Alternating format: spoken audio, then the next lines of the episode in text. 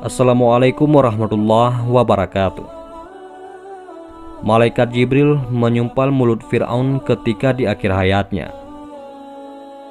Al-Quran telah menyampaikan kepada kita secara panjang lebar tentang Fir'aun tentang kesombongan dan kelalaiannya, tentang sepak terjang dan perilakunya dalam menghadapi kebenaran.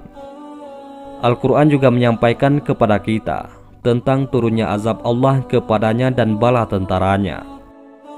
Di samping itu, kesombongan dan kecongkaan Fir'aun itu ternyata membuat malaikat Jibril sangat benci kepadanya.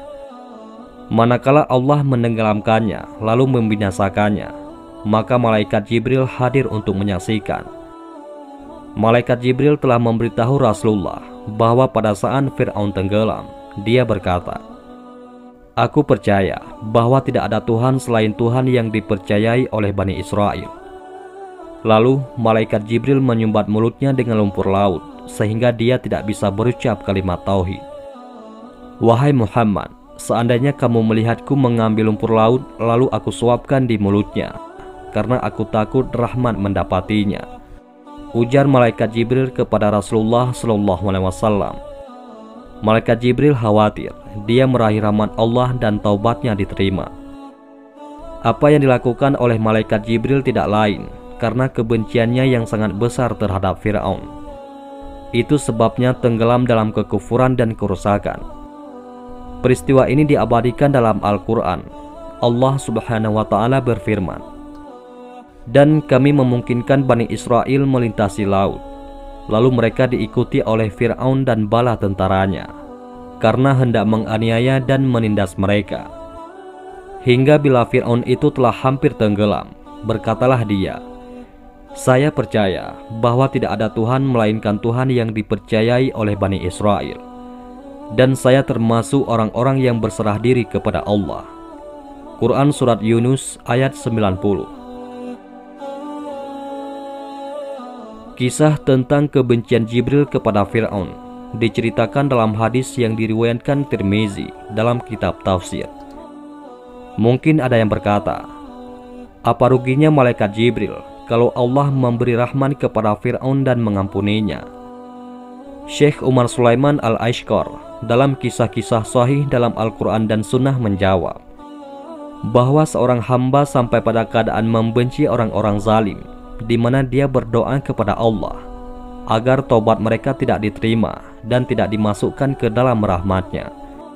Ini terjadi pada Nabi Musa alaihissalam. Beliau berdoa atas Fir'aun dan bala tentaranya agar Allah mengunci mati hati mereka sehingga mereka tidak beriman sampai mereka melihat azab yang pedih. Musa berkata, "Ya Tuhan kami, sesungguhnya Engkau telah memberi kepada Firaun dan pemuka-pemuka kaumnya perhiasan dan harta kekayaan dalam kehidupan dunia. Ya Tuhan kami, akibatnya mereka menyesatkan manusia dari jalan Engkau. Ya Tuhan kami, binasakanlah harta benda mereka dan kunci matilah hati mereka." maka mereka tidak beriman hingga mereka melihat siksaan yang pedih. Quran Surat Yunus ayat 88 Mungkin ada yang berkata, Bukankah sudah maklum bahwa Allah tidak menerima tobat pada saat turun azab dan pada saat nafas di kerongkongan? Bagaimana Jibril mengira bahwa Allah mungkin mengampuni Fir'aun sementara dia dalam kondisi seperti itu? Syekh Umar mengatakan, Jibril melakukan apa yang dia kira tanpa menoleh kepada ilmu Allah. Di sisi lain, menurut Syekh Umar, setidaknya ada beberapa pelajaran dan faedah dari hadis ini.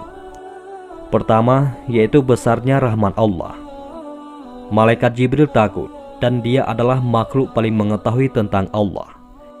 Dia takut rahmat Allah didapatkan oleh Fir'aun, manakala dia mengucapkan kalimat tauhid sewaktu dia tenggelam. Kedua, yaitu keutamaan kalimat tauhid. Malaikat Jibril takut Allah merahmati Firaun karenanya. Lalu bagaimana jika seorang hamba mengucapkannya sewaktu dia sehat walafiat dengan meyakininya tidak diragukan, itu pasti berpahala besar. Dan selanjutnya yang ketiga, yaitu besarnya kebencian para malaikat kepada orang-orang kafir.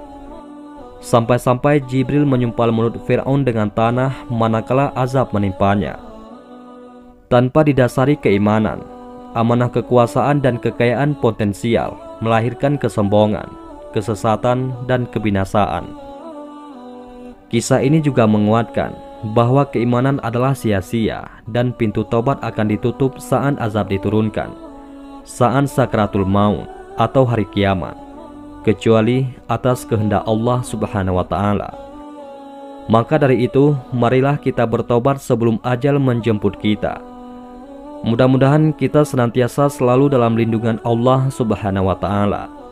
Amin ya rabbal alamin. Wallahu a'lam bisawab. Mudah-mudahan ini semua bermanfaat. Assalamualaikum warahmatullahi wabarakatuh.